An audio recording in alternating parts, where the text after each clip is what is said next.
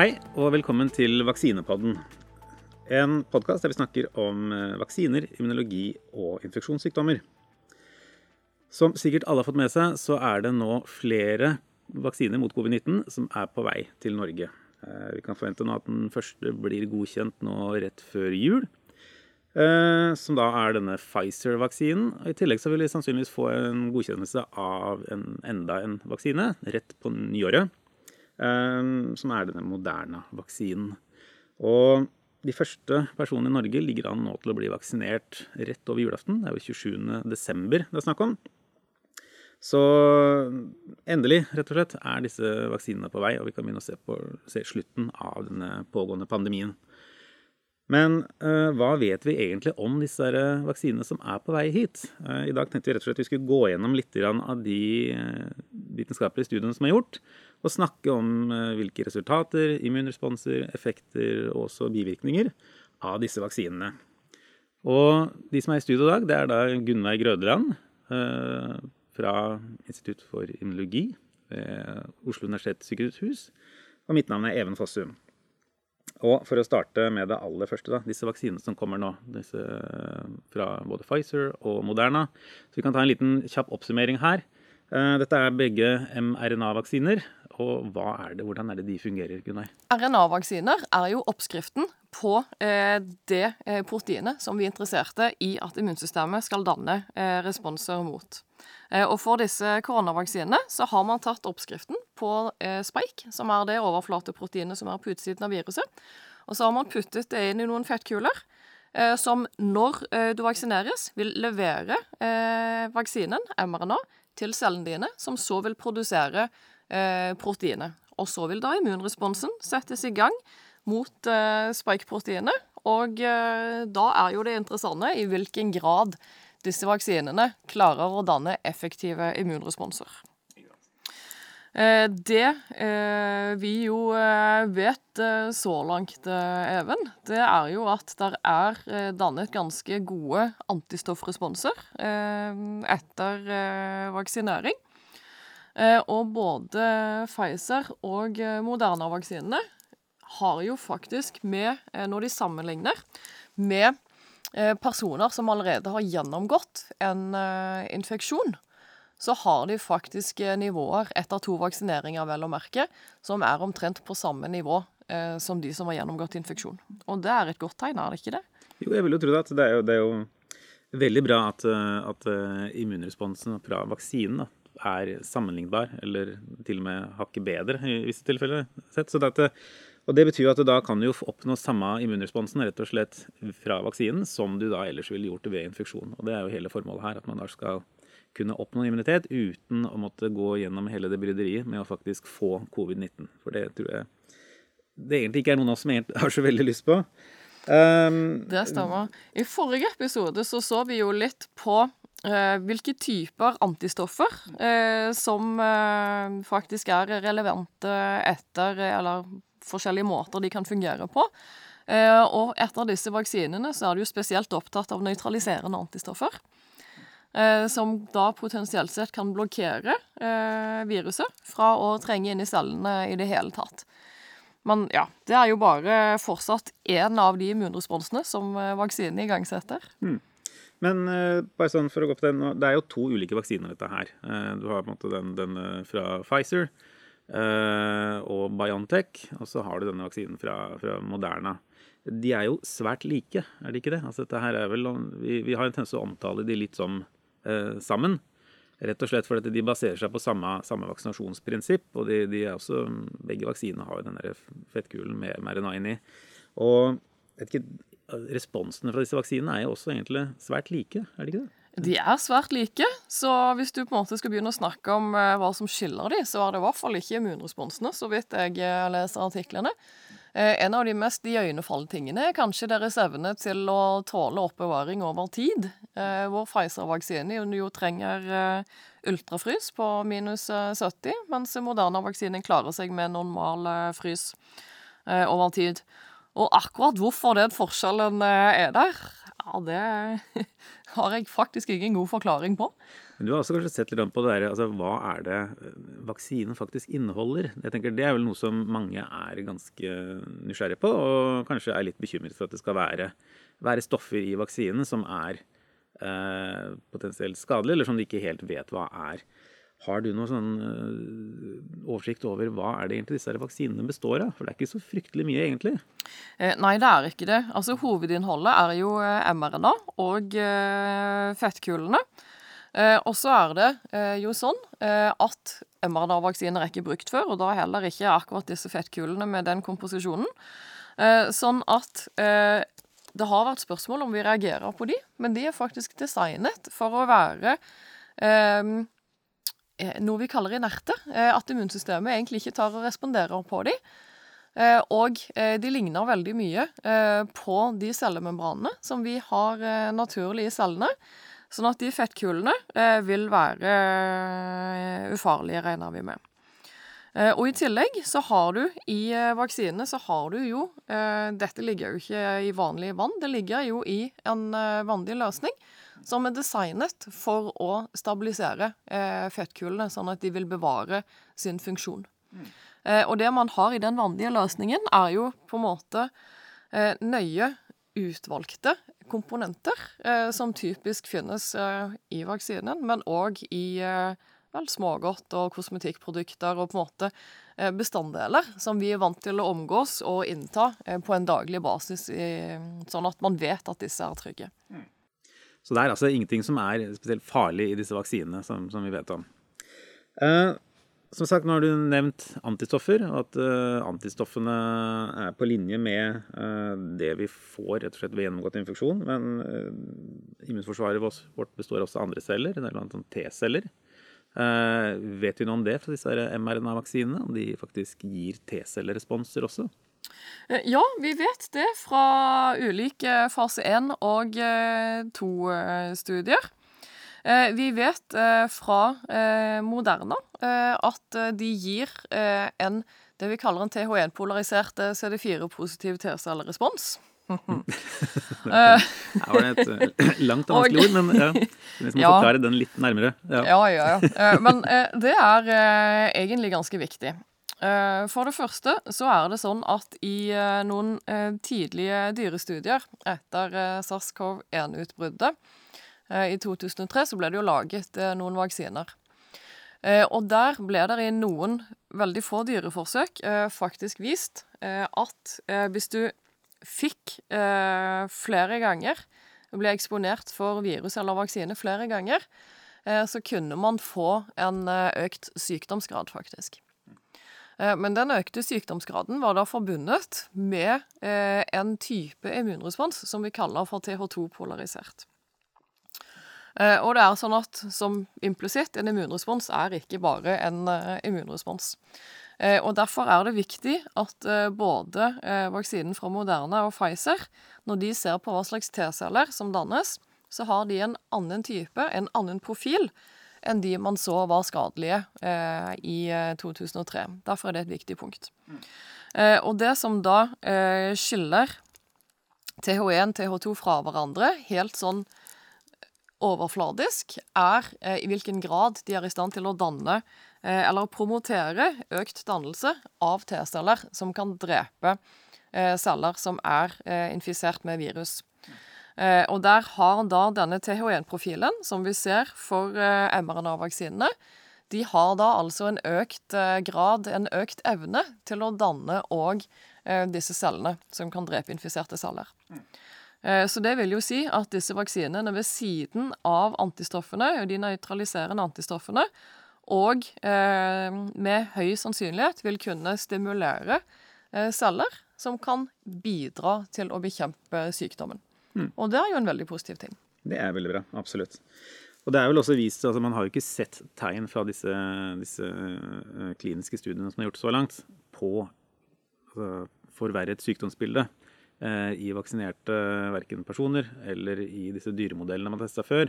Så, så, selv om er, det absolutt er en skal jeg si, eh, noe man, som var, man var kanskje bekymret for, eller i hvert fall noe man var var på når man begynte å lage disse vaksinene, så har man ikke sett tegn til det så langt. Så det, det lover jo også veldig bra. Ja, Det lover bra. Og jeg tenker når du ikke har sett det så langt i eh, alle de som nå har blitt eh, smittet med covid-19, og alle de hundretusener som faktisk har blitt vaksinert med mm. ulike vaksiner mot uh, SARS-CoV-2-viruset, så begynner det å bli rimelig trolig at vi har klart å unngå den. Ja. Mm. Jeg tenkte vi skulle gå litt inn på et par av de andre vaksinene også. for Disse mRNA-vaksinene de er jo de som ligger an til å dukke opp aller først nå. Blir bli godkjent eh, ja, nå. Så har vi i tillegg disse adenovirusbaserte vaksinene. og Der har du denne Oxford-vaksinen, Eh, kanskje spesielt. Den er vel også søkt om godkjennelse eh, i et par land nå.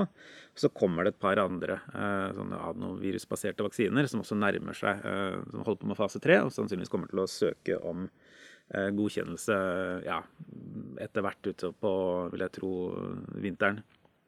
Men hvordan Uh, bare for å si veldig kort om disse adenovirusbaserte vaksinene. Hvordan er det de funker til sammenlignet med RNA-vaksinene? Jo, det er jo faktisk fellestrekk der. Uh, for òg uh, de inneholder oppskriften på dette spikeproteinet som er på overflaten av viruset.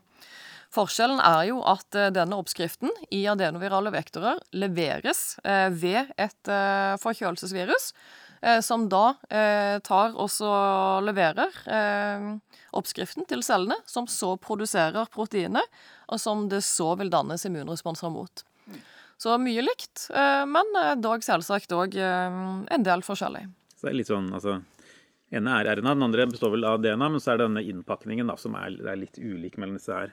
Men uh, immunresponser fra de, for der også har vi nå fått uh, type fase 3-studier. Vi har fase 1-2-studier som har forklart liksom, immunogenisitet for disse vaksinene. Mm. Uh, hva vet vi om, om det, egentlig? Altså, sånn, litt i forhold til disse mRNA-vaksinene?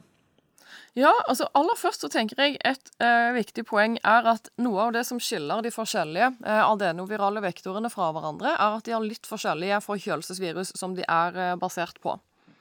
Eh, og det kan jo ha noe å si for hva slags type eh, immunresponser som dannes, og hvor kraftige de blir. Eh, så helt kort så er jo vaksinen fra Oxford den er jo basert på et sjimpanseforkjølelsesvirus. Mens de andre er basert på ulike humane forkjølelsesvirus. Og når Oxford valgte dette sjimpanseviruset, så var jo det fordi det er noe som vi mennesker ikke har vært utsatt for fra før. Sånn at vi vil ikke ha eksisterende immunresponser mot eh, dette adenoviruset som kan forhindre vaksinen fra å fungere. Fordi Hvis vårt immunsystem eh, allerede kan gjenkjenne dette viruset som brukes for å levere vaksinen, så vil jo det hindre eh, effekt av eh, vaksinen. Eh, nå er jo det òg dette noe som de andre produsentene er eh, klar over. Eh, så de har jo eh, valgt adenovirus, som da typisk ikke sirkulerer i befolkningen, og folk ikke har vært eksponert for. Eller de har valgt varianter hvor de bruker eh, første og andre vaksinering med ulik adenovirus. Eller det er forskjellige strategier for å prøve å unngå det problemet. Men det er likevel en av de tingene som faktisk skiller dem. Det du faktisk spurte om, var immunresponsene, og hvordan de er. og hvis vi begynner med antistoffresponser, eh, så er jo de eh, relativt like eh, fra det vi ser så langt fra disse adenovirale vektorene. De gir solide antistoffresponser, nøytraliserende, som vi var inne på for RNA-vaksiner. Men du trenger òg to leveringer her, tror vi.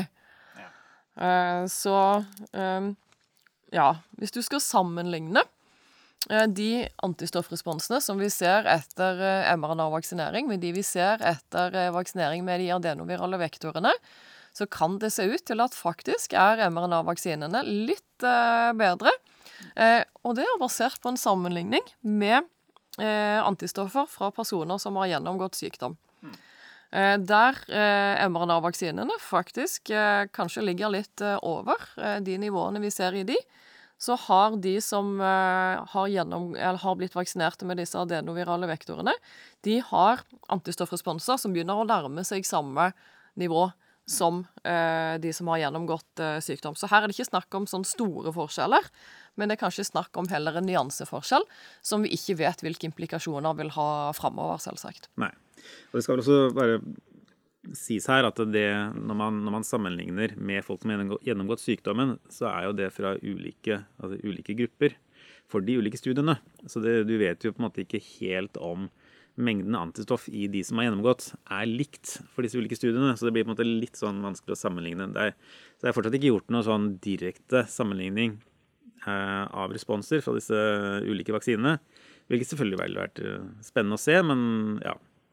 Det kan hende at det kommer eh, etter hvert.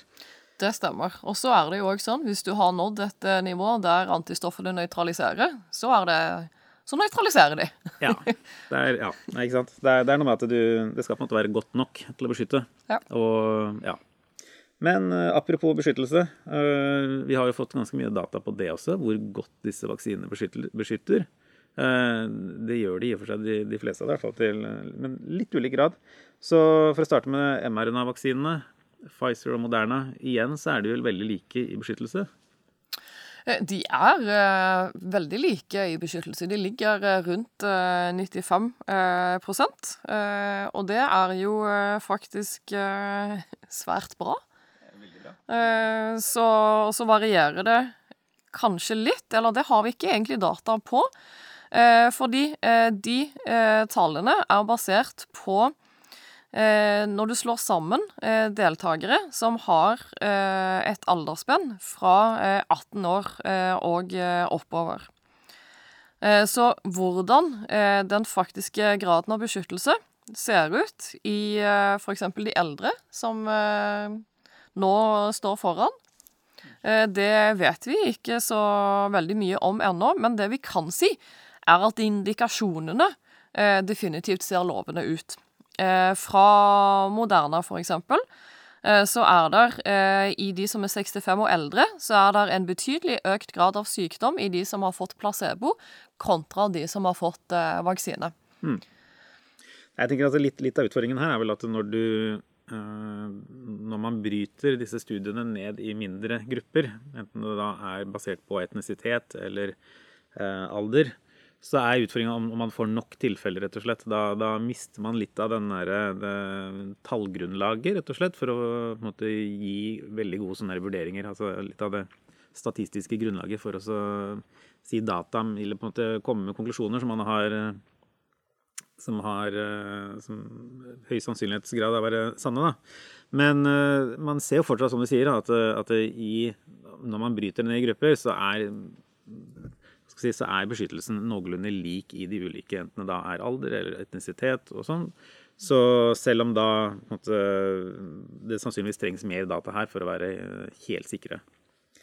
Eh, Oxford-vaksinen ga jo litt lavere Denne adenovirusvaksinen ga jo noe lavere beskyttelse. Den var jo ja, den, Det er jo den, kjempeinteressant, er det den, ikke det? Jo da, den, så der så man jo 70% beskyttelse, som også egentlig altså, tross alt er bra. Du snakker jo da Eh, hvis vi, hvis vi, ser for oss at uh, det, er jo, det, er jo, gjerne bedre enn den årlige influensavaksinen. Så vi skal ikke på en måte Ja, Men var ikke det snittverdien som var 70? Det var snittverdien som var 70. Og så var det da fordelt på to ulike grupper. Sånn uh, Der bakhistorien her ligger vel rett og slett at det var uh, man, man beregnet rett og slett litt feil mengde virus i en av dosene som gikk ut. Og så endte man opp med å gi i noen, noen personer, noen av testpersonene fikk rett og slett halv dose først. Og så fikk de full dose som den, den andre vaksineringen. Så da har man en viss gruppe som, som fikk det. Og så har man uh, disse, disse, som fikk vanlig sånn dobbel full dose. Og det som kanskje var litt overraskende her, var jo at uh, de som fikk halv dose først, de var faktisk bedre beskyttet. Ja, for de, de begynte å nærme seg mRNA-vaksinene, de. De hadde opp mot 90 de. Ja, hvor er det, Finnes det noen sånne gode forklaringer på hvorfor dette var tilfellet? Det finnes gode spekulasjoner, eh, i hvert fall. Og jeg tror kanskje en del av det handler om, som vi var inne på tidligere, eh, denne vektoren. Eh, altså det at du får med adenovirale vektorer, så får du òg danna ganske mye immunresponser mot selve det viruset som bærer inn vaksinen. Eh, og eh, hvis du får en eh, halv dose etterfulgt av en større dose, så vil du ved første vaksinering ikke ha danna like kraftige immunresponser som det du har hvis du hadde fått en større dose. Og det kan gjøre at den andre dosen har en større effekt, som igjen uh, gir en bedre beskyttelseseffekt når du vurderer det. Det er en mulig forklaring. Mulig forklaring, ja. Men ja, fasiten har vi jo ikke ennå. Nei. Og det er litt sånn, hva skal man si, hell i uhell. Ja. Men det er, det er, veldig fascinerende at da man, man ser den, den, effekten. Og det kan jo forklare litt på hvordan man skal gå videre med um, ja, hva som kommer til å bli brukt videre. Uh, vi har også fått faktisk nå uh, effektivitetsdata for en av disse inaktiverte vaksinene. Uh, og det er jo den derre Sinopharm sin vaksine, en av disse kinesisk produserte, som da jeg tror man så effektivitet på rundt sånn 86% Så den også har jo tydeligvis vist seg å være eh, effektiv. Så basert på det så har vi jo nå altså vi har mRNA-vaksiner som gir god beskyttelse. Vi har adenovirusvaksiner som gir god beskyttelse. Vi har inaktiverte vaksiner som gir god beskyttelse. Eh, altså, det er jo tydelig at det, egentlig, det å lage en vaksine mot koronavirus egentlig ikke er så vanskelig, eller at det er mange, mange veier til mål her. At det er mange strategier som fungerer. Det er mange veier til rom. Um, en av de tingene jeg faktisk uh, vil trekke fram hvis du sammenligner uh, adenovirale vektorer med mRNA-vaksiner um, Fordi ja, de ser ut til at de har relativt lik uh, funksjon hvis du ser på i hvert fall flere noen grupper. Uh, vi var innom T-celler tidligere, og det er sånn at adenovirale vektorer er kjent for å være veldig gode på å gi nettopp T-celler. Eh, og eh, det vi eh, ser tendensen av, er at vi òg faktisk i studiene fra Oxford ser induksjon av de type drepecellene som vi var inne på tidligere, de som kan gjenkjenne celler som er infisert av virus, og spesifikt drepe de.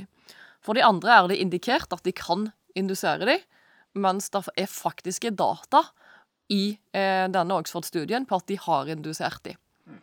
Eh, og det er jo en eh, forskjell, potensielt sett. Og hvis du sammenligner da, går tilbake til den inaktiverte vaksinen som eh, du prater om, som òg heldigvis da har en eh, ganske god effekt, så pleier de typisk ikke å være så gode på å gi T-celler. Eh, de er jo bedre på å gi nøytraliserende antistoffer.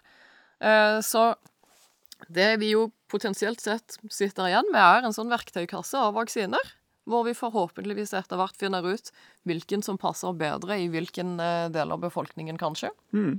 Nei, det absolutt. Men tror du at um, altså Det er jo kanskje naturlig også å tro at det her ville dukke opp flere koronavirusvaksiner etter hvert. Altså gitt oh, ja. hvor, uh, altså hvor, hvor, effektivt man har klart å lage det mot covid-19, så finnes det jo andre sirkulerende koronavirus. Mm. Uh, så det vil ikke overraske meg om man da, nå som vi vet at det er mulig, og så, så vil vi sannsynligvis se flere av de eh, etter hvert. Det vil vi nok. Eh, og eh, en av de tingene som jo har vært et poeng egentlig for alle disse vaksinene, er at man vet ikke så mye om hvor lenge beskyttelsen varer. Og det stemmer, det gjør vi ikke, for vi kan jo ikke måle hvor lenge beskyttelsen varer før det har gått tilstrekkelig tid. Og så lang tid har det jo faktisk ikke gått siden folk ble vaksinerte. Eh, men det vi eh, har litt bedre data på, er folk som har gjennomgått eh, infeksjon. Og det er en ganske interessant artikkel fra bl.a. gruppen til Shane Crotty i USA, som faktisk tar og viser at selv de som har gjennomgått en ganske mild form for covid-19-infeksjon, de har fått dannet hukommelsesceller som er aktive i minst seks måneder etter infeksjon.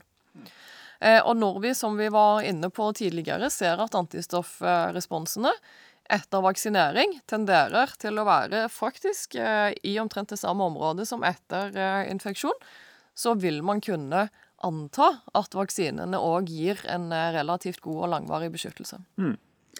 Så her vil det, altså, Tror du at det vil være nok med denne ene vaksineringen, altså den, den vaksineringen som gjøres nå, da man da får to doser? Rett og slett til å beskytte mot covid-19 i, i, all fremtid? I all fremtid er kanskje å ta litt uh, hardt i, uh, for det vet vi veldig lite om. Men at beskyttelsen er eh, langvarig, i den forstand at den i hvert fall beskytter denne og sannsynligvis neste, altså et par år, eh, det, gir, eh, det kan gi mening med de dataene som vi har nå. Mm. En annen ting, nå, nå, gis jo denne vaksinen i to doser, eller denne vaksinen, sier jeg. Stort sett alle vaksinene som er egentlig under utprøvning øh, og nærmer seg, gis i to doser. Det er vel en av disse adenovirusbaserte som har lagt seg på én dose. Um, men man har vel kanskje også sett at det faktisk det å gi én dose øh, kan være nok. Uh, nå ser jeg at øh, fra disse fase 3-studiene så har man gjort målinger både for Pfizer sin eh, vaksine og for Moderna. Eh, og deles også for, for, Oxford sin vaksine, der man ser rett og slett at det er en viss beskyttelse etter én vaksinering. Eh, for, for Pfizer så var den målt til ca. 50% mens for Moderna så var den helt oppe i 80 dette her er basert på ganske sånn kortvarige studier, rett og slett fordi det har vært forekomst mellom første og andre vaksinering eller i svært korte perioder. Så man har ikke helt uh, noe langvarig data på dette her, egentlig. Men uh, jeg tenker det, det, akkurat det der vil jo på en måte være noe som er veldig spennende å følge med på fremover, og som kan tross alt, i, i en verden der altså mengden med vaksiner er et altså, eh, begrenset ressurs akkurat nå Hvis man da kunne vaksinere folk én gang og få brukbare responser og brukbar beskyttelse, så vil jo det kunne ha en uh, veldig god effekt. Absolutt. Uh, men det er òg der et spørsmål med eh, hvem du vaksinerer, og hvem beskyttelsen er så eh, god for. Eh, for eh, her kan det være forskjell på unge, friske voksne og eh, eldre eh, i hvor fort og hva du trenger for å oppnå full effekt. Mm. Så det må man definitivt følge opp framover. Mm. Jeg regner kanskje med at vi vil se den type studier Uh, ja, det må man. Der man f.eks. tar én vaksinering hos yngre, og så se om det er nok, rett og slett. Ja, Man må jo det. Vi står jo i den situasjonen at vi muligens ikke har Vel, vi har ikke så mange vaksiner vi skulle ønske, så mm. ja. Så disse vaksinene er altså, de gode immunresponser, eh, og de er effektive. Um, men så er det kanskje noe annet som, som, folk flest lurer litt på, og det er jo selvfølgelig det med bivirkninger. Uh, har disse vaksinene noe særlig bivirkninger?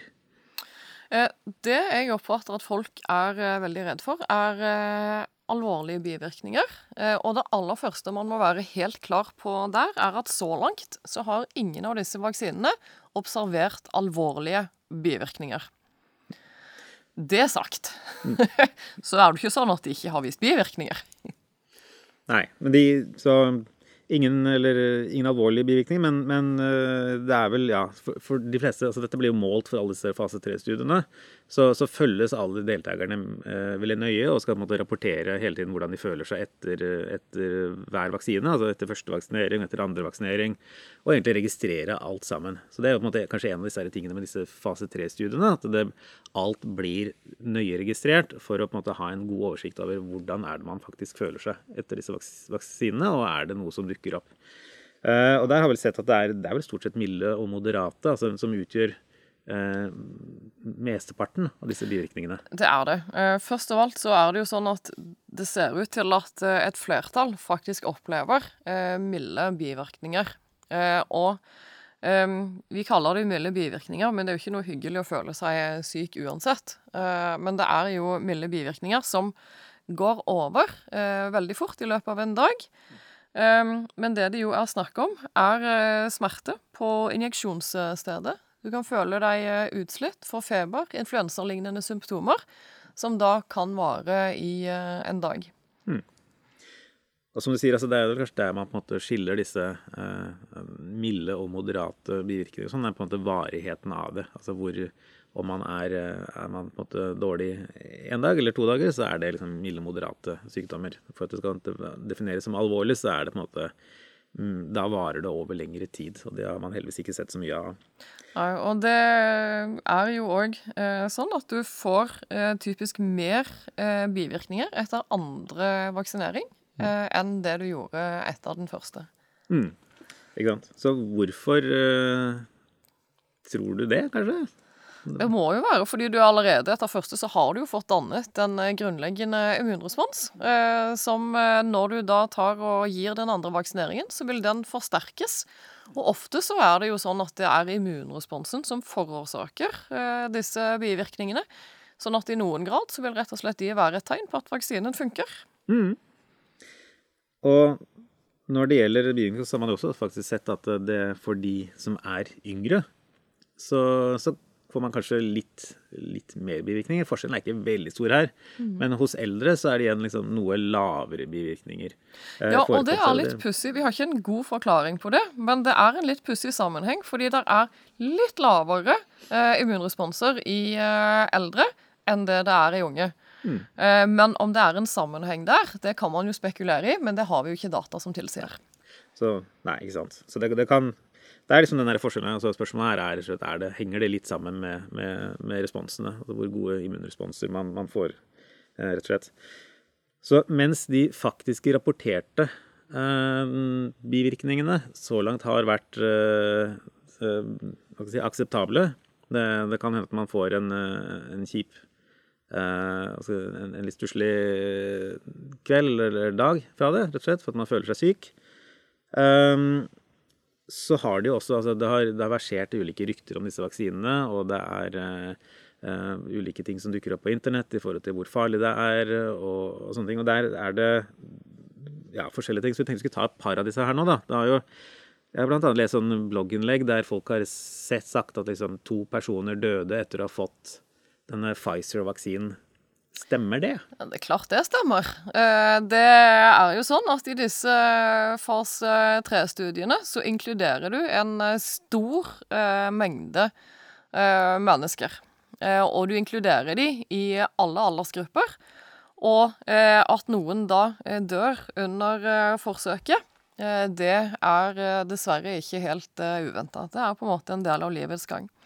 Eh, det man gjør når man er med i en sånn vaksinestudie og dør, er selvsagt at man vurderer veldig grundig om det er en mulig sammenheng mellom vaksinen og eh, dødsfallet. Det ser det jo ikke ut til å være. De som har dødd, har vel stort sett dødd av hjerteinfarkt, trafikkulykker, selvmord og ting som relativt opplagt ikke er en del av vaksineprogrammet. Mm. Det skal vel også sies her at eh, altså, akkurat når det gjelder denne Pfizer-studien, så var det jo også faktisk eh, fire personer eh, som døde i løpet av studien, som da fikk placebo. Og dette er saltvannsløsning. Så, sånn sett så, så, er det ikke noe sammenheng her altså mellom når, det, når, man ser på antallet i forhold til de ulike gruppene. Eh, og som du sier, dette her er rett og slett eh, Det er en del av studien, og det er når du følger Og dette er spesielt studier som har inkludert et stort andel eldre mennesker rett og slett. Det er jo i eldre man ønsker å se den beste beskyttelsen. Det er de som er mest uh, utsatt. Uh, og da er jo selvfølgelig faren at uh, ikke alle overlever til slett, studien avsluttes. Så um, det, det, skal man i hvert fall ikke være så bekymret for. Til de dataene som har kommet nå. det har jo også sirkulert sånne rykter om at disse RNA-vaksinene spesielt endrer genmaterialet vårt. Ja, det kan vi vel bare avkrefte, kan vi ikke det? Jo, Enkelt og greit. Det, ja. det, er, det, det, gjør det ikke. Nei. Det, det har vi litt snakket om før også, så RNA-vaksiner endrer ikke uh, arvematerialet ditt. Det kan man være veldig trygg på. Um, det man kanskje har sett, er vel allergisk reaksjon. Mm. Uh, I et par stykker i, i, Storbritannia som fikk vaksinen på tidlig stadium. Ja, og de uh det er det jo grunn til å faktisk uh, følge uh, opp, tenker jeg. Uh, nå er det sånn at alle vaksiner har mulighet for å gi allergiske reaksjoner. og typisk så ser man at man i under én av en million som tar en hvilken som helst vaksine, vil få et sånn type anafylaktisk sjokk, som er en svært alvorlig type allergisk reaksjon. Eh, det eh, er eh, derfor at man, når man vaksinerer svært allergiske personer, er ekstra oppmerksom. Det er òg derfor alle av oss, når vi tar en vaksine hos helsepersonell, typisk må sitte på venterommet i 15-30 minutter etter vaksinering. Dette gjør vi jo alltid. Det er for at legen skal kunne være tilgjengelig dersom det oppstår noe uforutsett. Fordi det vil alltid kunne skje ekstremt sjelden. Heldigvis. Eh, men eh, de eh, to som eh, i Storbritannia fikk alvorlige allergiske reaksjoner, var begge svært allergiske med kjente allergier fra før. og de var såpass allergiske at de faktisk gikk med en såkalt EpiPen tilgjengelig på seg for å være klar til å hindre eh, allergiske responser når som helst. Og det er veldig få som er så allergiske. Så er man det, så bør man alltid være ekstra oppmerksom ved vaksinering. Hmm. I tillegg, så Når man gjennomfører disse studiene, så ser man alltid på som sagt, vi har snakket om at man, man vil alltid få enkelte personer som, som f.eks. Altså omkommer i løpet av studien. Eh, og det vil også være andre eh, sykdomstilfeller som oppstår eh, tilfeldig, altså, eller naturlig, i en større befolkning. og så er på en måte poenget her også å se på er det noe forskjell mellom de ulike gruppene, de som da faktisk fikk vaksinen, kontra de som fikk saltvannsløsning. Om det er en høyere forekomst av visse sykdomstilfeller i den ene gruppa kontra den andre. Og en av de som kanskje har blitt nevnt, altså det, det, som, eh, det er noe som heter Bells parese. Og det er vel en, en type sånn midlertidig ansiktslammelse, eh, hvis jeg forstår det. Men er det noe Har man funnet ut noe mer om dette? i forhold til Er det vaksinerelatert, eller? Ja, Det vet man ikke ennå. fordi det man vet, er at eh, det er noen veldig få tilfeller foreløpig men det er ikke flere tilfeller enn det du ville forventet i en befolkning av den størrelsen, normalt sett. Eh, men eh, nå er det sånn at man tar og følger opp alt som potensielt sett kan være knyttet til vaksinen. Så FDA har jo f.eks. allerede sagt at de skal spesielt følge opp Bells parese videre framover for å finne ut om det er en mulig sammenheng. Som jo egentlig òg illustrerer at alt som potensielt sett muligens kanskje kan være knyttet til vaksinen, vil bli gitt ekstra oppmerksomhet, ikke bare eh, under vaksinering, men òg i perioden etter vaksinering. Hmm. Studiene som er gjort så langt, er, um, de er, de er jo av begrenset varighet her, selvfølgelig. Um, kan vi si noe om altså, langtidseffekter nå? Vi kan, det er vi, vi har, hvordan er det i forhold til de, de, bivirkningene vi kan måte forvente oss? Nå er det på en måte fulgt, altså Studien er fulgt over ca. to måneder, og man har måte registrert alt til da. Men selvfølgelig, igjen så er det en sånn, sånn en, en, bekymring man kan lese en del steder, er liksom hva er langtidseffekten av disse vaksinene? Ja, det vet vi jo veldig lite om, fordi det har, som du sier, det har ikke gått nok tid. Eh, men eh, ofte så vil det kunne være sånn at eh, man ser tegn på potensielle bivirkninger etter vaksinering og etter uh, infeksjon. Uh, og uh, vi har jo heller ikke Det er ikke så lenge siden SARS-CoV-2-viruset brøt ut for første gang, så vi har jo ikke superlange data på det heller.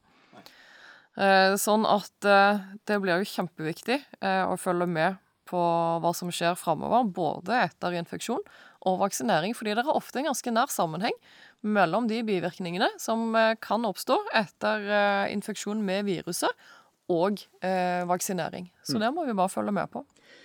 Ikke sant? Og der er vel også sånn at man, man har vel sett at veldig mange av de, de, bivirkningene man får, de oppstår relativt tidlig i, i, etter vaksinasjon. Ja. Eh, og hvis man ikke har sett det etter de første to månedene, så er vel kanskje sånn altså, man, skal, man, kan aldri på en måte utelukke muligheten for eh, enkelte langvarige effekter. Men at de, de, vil sannsynligvis være svært sjeldne hvis de skulle forekomme i det hele tatt. Sannsynligvis, ja. Um, bare sånn til slutt, nå, nå har vi snakka litt om eh, som sagt, effekt, uh, immunresponser, bivirkninger. Hva, kommer, har du noen bekymringer for å ta den der, eh, f.eks. Pfizer-vaksinen eller mRNA-vaksinen eller Moderna-vaksinen når, når de dukker opp? Nei, jeg tror jeg kommer til å ta den første vaksinen jeg får tilbud om. Jeg. Mm. Eh, jeg eh, tenker det er Altså, vi har snakket om bivirkninger, og det kan jo høres litt ekkelt ut. Og jeg har ikke lyst til å være syk. Jeg har ikke lyst til å være syk en dag engang. Men det er bedre enn alternativet. Mm. Det er veldig mye bedre enn alternativet. Så jeg kommer absolutt til å ta vaksinen. Hva med deg? Jo, gjerne. Altså, jeg, nå er jeg forholdsvis ung og frisk, så stiller uh, langt ifra først i denne vaksinekøen som kommer nå. Så, men når, når, vaksinen gjøres tilgjengelig, så kommer jeg definitivt til å ta den. Og ja, Så det har jeg Ja, absolutt. Som du sier, det er veldig mye bedre enn alternativet. Uh, med det tenkte vi egentlig skulle avslutte dagens episode. Uh, tusen takk til Morten Skoglund ved seksjon for medisinsk informatikk uh, for teknisk produksjon. Eh, hvis du ønsker å lese mer om vaksiner og immunforsvaret vårt, så har vi en blogg som heter Vaksinebloggen, der man kan eh, ta en tur innom. Eh, og der vi prøver å legge ut innlegg sånn i ny og ne. Og til slutt så vil jeg egentlig bare si tusen takk til alle sammen som har hørt på oss så langt i år. Vi ønsker alle en veldig god og smittefri jul. Og så kommer vi tilbake med flere episoder i 2021. Takk for oss. Thank you.